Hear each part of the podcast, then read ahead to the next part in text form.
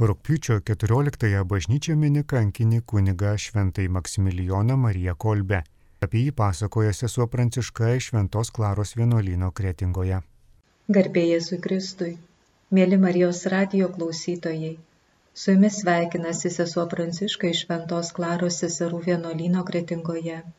Rūpiučio 14 dieną pranciškoniškoji šeima kartu su visa katalikų bažnyčia mini šventąjį Maksimilijoną Mariją Kolbę, meilės kankinį ir gailestingumo liudytoją. Šis nuolankus mažesniųjų brolių konventualų ordino vienuolis yra žinomas kaip aktyvus pamaldumo nekaltai mergeliai Marijai skleidėjas, misionierius, katalikiškos spaudos leidėjas. Šventasis Maksimilijonas paliko gausų rašytinį palikimą taip pat nemažai išlikę amžininkų liudijimų. Bet ši asmenybė yra tokia turtinga, kad tikrai negalėtume sakyti visapusiškai ją pažįstantis. Nors daugiau žinome apie aktyvę jo veiklą, manau, neatsitiktinai popiežius Jonas Paulius II, tuomet dar kardinolas Karolis Vojtyla, vienoje iš savo konferencijų Maksimilijoną Kolbę yra pavadinęs vienu didžiausių mūsų epochos kontemplatyviųjų. Apie šventojo Maksimilijono kontemplatyvumą nedaug kalbėta, bet nėra jokios abejonės, kad jis neatsiejamas nuo ypatingos šio šventojo meilės Marijai. Trokšdamas visiškai jai priklausyti, jis surado, kaip pats sakė, trumpiausią, patikimiausią ir lengviausią kelią pas Dievą. Žvelgdamas į nekaltąją mergelę švenčiausiosios trejybės šviesoje, Jis stengiasi pats ir skatino kitus siekti tokio artumo su ją, kad pati Marija mylėtų Jėzų mūsų širdimi. Šiandien primindama svarbiausius Šventojo Maksimilijono Marijos Kolbės biografijos faktus ir kai kurias jo raštų ištraukas, bandysiu pristatyti, kokiais keliais jis kopė iš šventumo aukštumas. Būsimas šventasis gimė 1894 m. sausio 8 d. Zdunska Volioje, centrinėje Lenkijoje. Ir tą pačią dieną buvo pakrikštytas parapijos bažnyčioje Raimundo vardu. Jis buvo antras iš penkių Juliaus ir Marijanos kolbių sūnų. Tėvai vertėsi audėjų amatu, Abu buvo labai pamaldus ir priklausė pasauliečių pranciškonų ordinui. Taigi malda ir pranciškoniškas dvasingumas nebuvo svetimi šioje šeimoje. Stokodami pinigų kolpės negalėjo suteikti vaikams išsilavinimo, o iš prigimties gabus, ypač tiksliesiems mokslams, Raimundas mokyklą pradėjo lankyti tik pasitaikius palankiai progai sužinojus, kad pranciškonai Lvove atidarė mažąją seminariją, kur mokslas buvo nemokamas. 1907 metais Raimundas kartu su vyresniuoju broliu Pranciškumi pradėjo mokslo metus Pranciškonų seminarijoje, o po metų tos pačios seminarijos auklėtiniu tapo jaunesnysis brolis Juozapas, ordinę gavęs Alfonso vardą tapęs kunigu, bet dėja anksti miręs. Paaugus ir tėvų namus palikus vaikams, sutoktiniai Kolbės nusprendė duoti skaistybės įžadą. Motina Marijana persikėlė arčiau sūnų ir apsigyveno benediktinių vienuolynę Lvove, kur atliko durininkės pareigas. Vėliau ji persikė į Feliksiečių vienuolyną Krokuvoje. Su ją Raimundas palaikė itin glaudų ryšį, daugiausia laiškais ir paskutinis jo laiškas iš Aušvico koncentracijos stovyklos taip pat buvo skirtas mamai. Na, gana mislingai susiklostė tėvo Juliaus likimas. Planavęs kaip tretininkas apsistoti prie kurio nors pranciškonų vienuolyno, galiausiai jis įsikūrė Čenstakavoje, kur turėjo devocionalijų ir knygų krautuvėlę. Ir manoma, kad greičiausiai žuvo pirmojo pasaulinio karo pradžioje. Jau nuo vaikystės mažasis Raimundas buvo labai pamaldus, o kartu gyvo temperamento, tad netruko ir vaikiškų ištaigų. Po vienos iš jų susirūpinusi motina ištarė, atrodytų visiškai paprastus žodžius, kokie dažnai pasakomi kasdienybėje. Raimundai, Raimundai, kas iš tavęs bus? Ir ši frazė nebuvo vaiko praleista prausis. jis ėmė melisti švenčiausiai mergeliai Marijai ir sulaukė atsakymų, tiksliau pasiūlymo priimti baltą skaistumo ir raudoną kankinystės karūnas. Raimundas nesirinko, jis sutiko priimti abi, bet vėliau reikėjo dar nemažai pastangų, glūdinant charakterio bruožus ir įveikiant įvairius sunkumus. Ir pirmas didelis išbandymas seminarijoje besimokantiems broliams teko prieš pat novicijatą. Kaip tik Raimundui, ordinę gavusiam Maksimilijono vardą, kilo mintis, kad galbūt Dievo valia yra kovoti ne dvasios ginklais, bet karo laukia. Ir abu su broliu jau ruošėsi eiti pas provincijolą, kai netikėtai suskambo vienuolino durų skambutis ir jie buvo pakviesti į pokalbių kambarį, kur jų laukia mama. Šis susitikimas pakeitė brolių sprendimą, nors vėliau prasidėjus karo veiksmams, Pranciškus iš tiesų paliko seminariją ir išėjo kovoti su ginklu rankoje. Jis buvo žadėjęs po karo sugrįžti į seminariją, bet šio pažado neįvykdė. Na, o Maksimilijono riteriškas užsidėgymas Noviciato metais buvo nukreiptas grinai dvasinė linkme. Novicijų mokytojai įpareigojus kasdien sukalbėti maldą, tavo apginimo šaukėmės.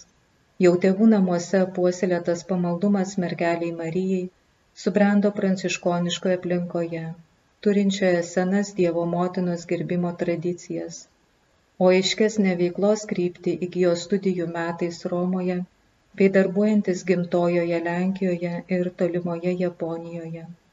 1911 metais Maksimilijonas davė laikinuosius įžadus, o po metų baigęs vidurinę mokyklą studijas tęsė Krokuvo seminarijoje. Čia buvo atrinkta studentų grupė studijuoti tarptautinėje pranciškonų kolegijoje Romoje. Tarp jų buvo pasiūlytas ir Maksimilijonas. Amžinuosius iškilmingus įžadus jis davė jau Romoje. 1918 buvo išventintas kunigu, o po metų baigė studijas turėdamas filosofijos ir teologijos mokslų daktaro laipsnius. Gabus ir didelį užsidėgymą savo pašaukimui turintis jaunuolis dėja buvo silpnos sveikatos. Studijuojant Romoje pasireiškė pirmieji plaučių lygos požymiai ir vėliau jau grįžęs į Lenkiją, tėvas Maksimilijonas keletą kartų gydėsi Zakopanėje. Tačiau silpna sveikata nesutrukdė jo intensyvios veiklos. Romoje su grupelė bendraminčių jis įkūrė nekaltosios riteryje - milicija Imakulatė. Kiekvienas riterijos narys turėjo pasiaukoti švenčiausiai mergeliai Marijai, siekti asmeninio tobulėjimo bei visų atsivertimo ir pašventinimo, globojant ir tarpininkaujant nekaltajai. Stiprią paskatą šiai draugijai atsirasti davė tuometinis masonų veiklos suaktyvėjimas, atviras savo simbolikos demonstravimas po Vatikano langais. O kitas svarbus įvykis, smarkiai paveikęs Maksimilijoną, buvo žydo ir masono Alfonso Ratisbonė atsivertimas ir Marijos apsireiškimas jam Sant'Andrėja Delefratė bažnyčioje Romoje. Prie altoriaus, kur įvyko apsireiškimas, tėvas Maksimilijonas aukojo savo pirmasias mišes. Iš pradžių draugijos narių veikla apsiribojo privačia malda ir medaliukų su stebuklingu Marijos atvaizdų dalyjimu. O riterijos idėjos pirmiausia buvo skleidžiamos tarp seminaristų. Kolegijos rektorius tėvas Luidžis Bondinis, po kunigystės šventimų tapęs Maksimilijono dvasiniu vadovu, pasiūlė jam į draugiją įtraukti ir pasauliečius, taip atverdamas gerokai platesnį veiklos lauką. Po studijų grįžęs į Lenkiją, tėvas Maksimilijonas Kolbė tų pačių metų rudens semestrą pradėjo dėstyti aukštojoje pranciškonų seminarijoje Krokuvoje Lygiai grečiai jis rūpinosi nekaltosios riteryje, kuri nuolat augo ir tapo plačiu tarptautiniu judėjimu, bei mėnraščio nekaltosios riteris leidyba. Leidyba tapo svarbia kolbės apaštalinės misijos dalimi, nors pradžia tikrai nebuvo lengva. Gavęs vyresniųjų leidimą, jis nesulaukė jokios finansinės paramos, tad beliko kliautis malda Ir apvaizda iš ties pasirūpino, kad baigus melstis prie Marijos altoriaus, ant jo netikėtai buvo rastas su tiksle pinigų suma darbų pradžiai. 1922 metais redakcija buvo perkelta į Gardiną, o po penkerių metų įsteigtas naujas vienuolynas leidikla Teresinė netoli Varšuvos. Visą savo veiklą pavesdamas nekaltosios mergelės Marijos globai, tėvas Maksimilijonas ir naująjį vienuolyną pavadino jos garbiai Nepokalenovu, nes Nepokalena Lenkų kalboje reiškia nekaltoji. Nepaisant finansinių sunkumų, leidybos mastai kasmet vis augo, o prieš antrąjį pasaulinį karą mėnraštis pasiekė įspūdingą vieno milijono tiražą. Taip pat kasmet buvo parengiamas nekaltosios riterio kalendorius. Buvo pradėtas leisti mėnraštis jaunimui, nekaltosios riteriukas ir mažasis dienraštis. Tėvas Maksimilijonas, troškęs nekaltai mergeliai laimėti visą pasaulį, degė ir misionieriaus solumu. Pasitikėdamas misijų globėjos šventosios kudikėlio Jėzaus Teresės užtarimu 1930 metais jis kartu su keturiais broliais išvyko į tolimuosius rytus. Nepavykus įsitvirtinti Kinijoje, palankesnės sąlygas pranciškonai rado Japonijoje. Iš pradžių tėvas Maksimilijonas dėstė filosofiją Nagasakio seminarijoje, organizavo nekaltosios riterio leidybą japonų kalba. Jis pats redagavo tekstus italų ir lotynų kalbomis, o juos į savo gimtają kalbą vertė minėtas kalbas mokantis japonai. Pirmiausia, seminarijos dėstytojai ir auklėtiniai. Po metų buvo įkurtas japoniškas nekaltosios sodas Nagasakyje skurdus materialinė prasme, tačiau nešęs gausių dvasinių vaisių ir daugeliu kėlęs nuostabą, kad per tokį trumpą laiką tėvui Maksimilijonui pavyko pelnyti japonų pasitikėjimą ir net sulaukti jų pagalbos. Nuo šios sėkmingos misijos praėjus šešeriems metams, tėvas Maksimilijonas Kolbė vyresniųjų sprendimų turėjo grįžti į Lenkiją ir imtis vadovauti savo įsteigtam vienuolynui leidyklai, kurio narių skaičius pasiekė beveik 700. Grįžęs įsėjo gvardijono pareigas iki pat suėmimo 1941 metais ir kartu rūpinosi brolių ūkdymu, rengė konferencijas. Prasidėjus karui, didžioji dalis brolių provincijolas sprendimu paliko vienuolyną Tėvas Maksimilijonas taip pat nujautė artėjančią grėsmę ir dar prieš prasidedant karo veiksmams kalbėjo apie būtinybę liudyti pasirinktas vertybės bet kokiomis aplinkybėmis. Jo manimu, net jeigu broliai būtų išblaškyti po visą pasaulį ir neturėtų galimybės vilkėti abito, vienuolino plėtra nesustotų, jeigu jų sielose toliau auktų meilė. Per pirmąjį suėmimą 1940 m. rugsėjo mėnesį 36 broliai su gvardijonu buvo išvežti į koncentracijos stovyklą Lamsdorfe, vėliau Amtica. Šis areštas truko neilgai ir gruodžio 8 dieną, tarsi gavus mergelės Marijos dovaną per nekaltą į prasidėjimą, kaliniai buvo paleisti į laisvę. Pamažu į vienuolyną ėmė grįžti ir kiti broliai. Leidybinė veikla karo metais, žinoma, buvo sustabdyta, tačiau nagingiai Nepakolenovo broliai ir tuo sunkiu laikotarpiu nestokojo darbo, padėdami aplinkinių vietovių žmonėms, pabėgėliams, kitaip nukentėjusiems nuo karo baisumų. 1941 m. vasarį tėvas Maksimilijonas Kolbė kartu su artimiausiais bendradarbiais buvo suimtas dar kartą ir įkalintas Varšuvos kalėjime pavekė. Nepokalenovo bendruomenės broliai raštu kreipėsi į vokiečių policiją Varšuvoje, prašydami, kad vietoj penkių areštuotų kunigų būtų įkalinta 20 brolių savanorių. Tačiau šis prašymas buvo atmestas. Gegužės 28 dieną tėvas Maksimilijonas buvo išvežtas į koncentracijos stovyklą Aušvice. Iš tikro jis, bet kokiamis aplinkybėmis, stengiasi vykdyti savo pašaukimo priedermes, tad ir tarp kalinių teikia kunigo patarnavimus, klausė iš pažinčių, stiprino kitus savo žodžiu ir ypač ramę laikyseną. Neapykantos ir nevilties kupinoje aplinkoje jis iki galo liudijo meilę, sakydamas, jog neapykanta nėra kūrybinė gale, kūrybinė gale yra meilė. Tėvas Maksimilijonas suburdavo nedidelės grupelės kalinių, kuriems kalbėdavo religinėmis temomis. Iki pat galo ragino juos saugotis net mažiausios nuodėmis ir stiprino pasitikėjimą Dievu. 1941 m. Liepos pabaigoje pabėgo vienas keturiolikto bloko, kuriame gyveno tėvas Maksimilijonas kalinys.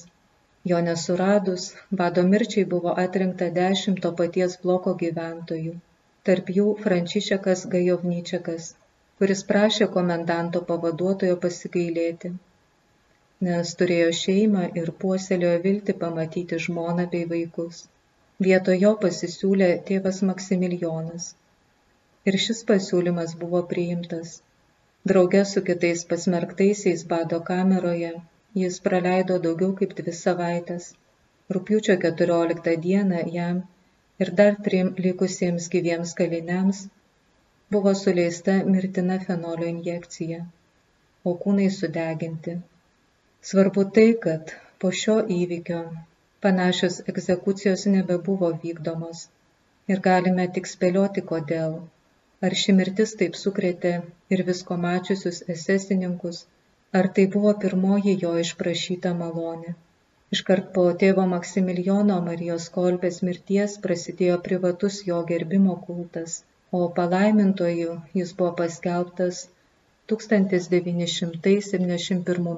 spalio 17 d. Iškilmėse dalyvavo daug buvusių jo bendražygių taip pat koncentracijos stovyklose išgyvenusių kalinių, tarp jų ir išgelbėtasis Frančišekas Gajovnyčiakas.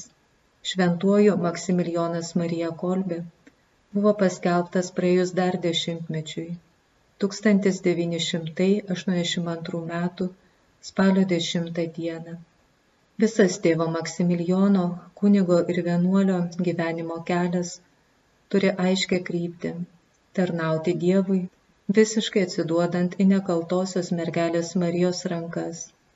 Jo minties ir laikysenos nuoseklumą patvirtina išlikę tekstai, amžininkų liudijimai ir pagaliau meilės kankinio mirtis, savanoriškas gyvybės atidavimas už artimą, tampant gyvų Kristaus atvaizdu.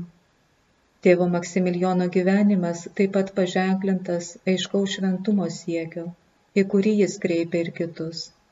Dar jaunystėje vienų rekolekcijų metu jis parengė gyvenimo reglamentą, kurio pirmasis punktas buvo suformuluotas taip - turiu būti kuo šventesnis.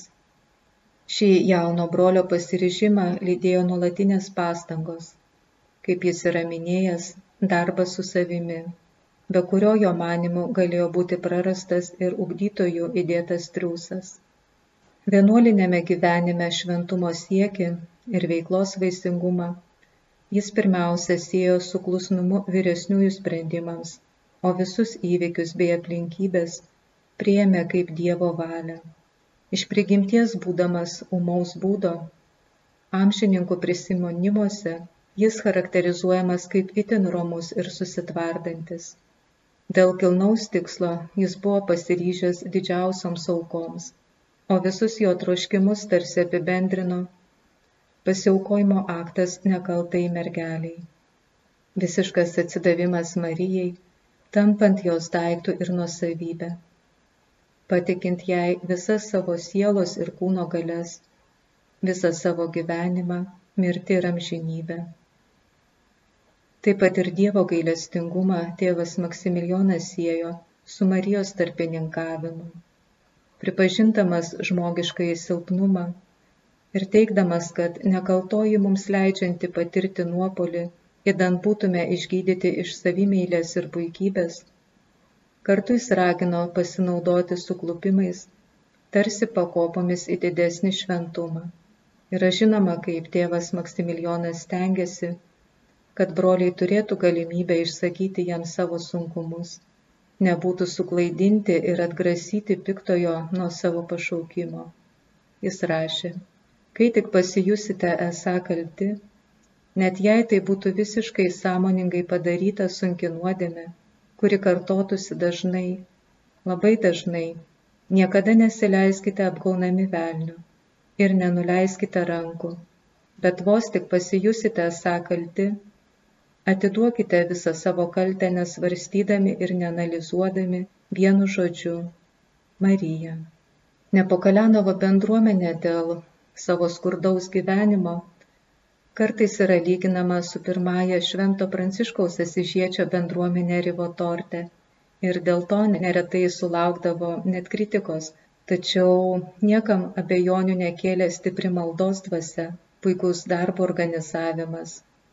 Broliams skirtose konferencijose tėvas Maksimilijonas itin pabrėžė vidinio gyvenimo svarbą, regulos laikymasi, evangelinių patarimų praktikavimą.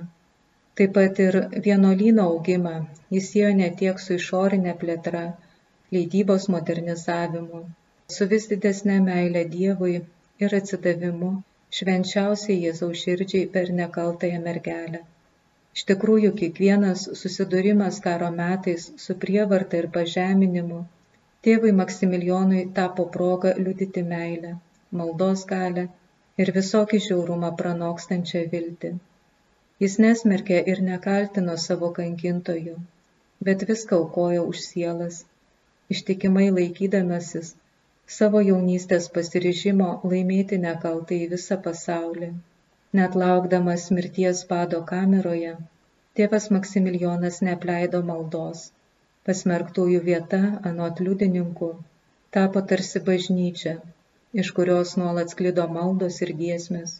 Savo buvimu jis tarsi pašventino skausmo persmelktą Aušvico erdvę ir galime sakyti, kad išgelbėjo ne vieną gyvybę, padrasindamas nusivylusius, atkalbėdamas nuo savižudybės, o galiausiai ir pats save atiduodamas kaip kvapnę auką Dievui. Kankinių vainikai karo metais teko ir kitiems Nepokalenovo broliams. 1999 metais buvo beatifikuoti dar keturi Aušvice žuvę mažesnieji broliai konventualai tarp jų iš Vilniaus bei Vilniaus krašto kilę Antoninas Bajevskis, antrasis tėvo Maksimilijono kolbės vikaras ir Bonifacas Žukovskis. Taip pat tėvo Maksimilijono skleistos idėjos ir pradėta veikla neužgeso su jo mirtimi, nors sovietmečių dėl griežtos cenzūros buvo uždraustas nekaltosios riterio publikavimas, Nepokalianovas gyvavo toliau po 1981 metų buvo atnaujinta leidybinė veikla, o pats vienuolynas tapo piligrimų gausiai lankoma vieta. Liko gyva ir kolbės mintis tęsti misionierišką veiklą, steigiant Nepokalenovo tipo vienuolynus. Tokį vienuolyną jis buvo numatęs įkurti ir Latvijoje, bet prasidėjus karui sumanimas liko neįgyvendintas. Šiandien Marijai skirti miestai ar sodai, be jau minėtų Lenkijoje ir Japonijoje, dar gyvuoja Indijoje, Italijoje, Junktinėse Amerikos valstijose ir Brazilijoje. Na, o šį pristatymą kviečiu pabaigti šventajam Maksimilijonui labai brangia malda - pasiaukojimo aktu nekaltai mergeliai, kurios ėmimą į dangų rytoj švesime. Jos motiniška globa ir užtarimas te lydi mus visus. Be gimtosios nuodėmės pradėtoji dangaus ir žemės karalienė, nusidėjėlių priebėga ir meilingoji mūsų motina, kuriai Dievas suteikė malonę skleisti pasaulyje gailestingumą. Aš nevertas nusidėjėlis, puolu prie tavo kojų nuolankiai maldaudamas, kad mane visą ir visiškai priimtum kaip savo daiktą ir nuosavybę. Patikiu tau save, visas savo kūno ir sielos galės ir visą savo gyvenimą, mirtį ir amžinybę. Elkis su manimi, kaip tau patinka. Pasinaudok, jei panorėsi, visų manimi tam, kad įvyktų tai, kas apie tave pasakyta. jis sutrins tavo galvą. Ir visas erezijas visame pasaulyje sunaikino. Kad tavo nekaltose gailestingose rankose tapčiau naudingų įrankių, tavo garbiai dėkti ir kuo plačiau skleistis, paklydusių ir abejingų žmonių sielose. Ir taip pasitarnaučiau kuo didesniam švenčiausiosios Jėzaus širties palaimintos karalystės augimui. Nes kur tu įžengi, ten išprašai atsivertimo ir pašventinimo malonę. Per tavo rankas mus pasiekia visos malonės iš švenčiausiosios Jėzaus širdies. Apie šiandien minimą kankinį kunigą šventai Maksimilijoną Mariją Kolbę pasakojo sesuo Pranciška iš Šventos Klaros vienuolyno Kretingoje.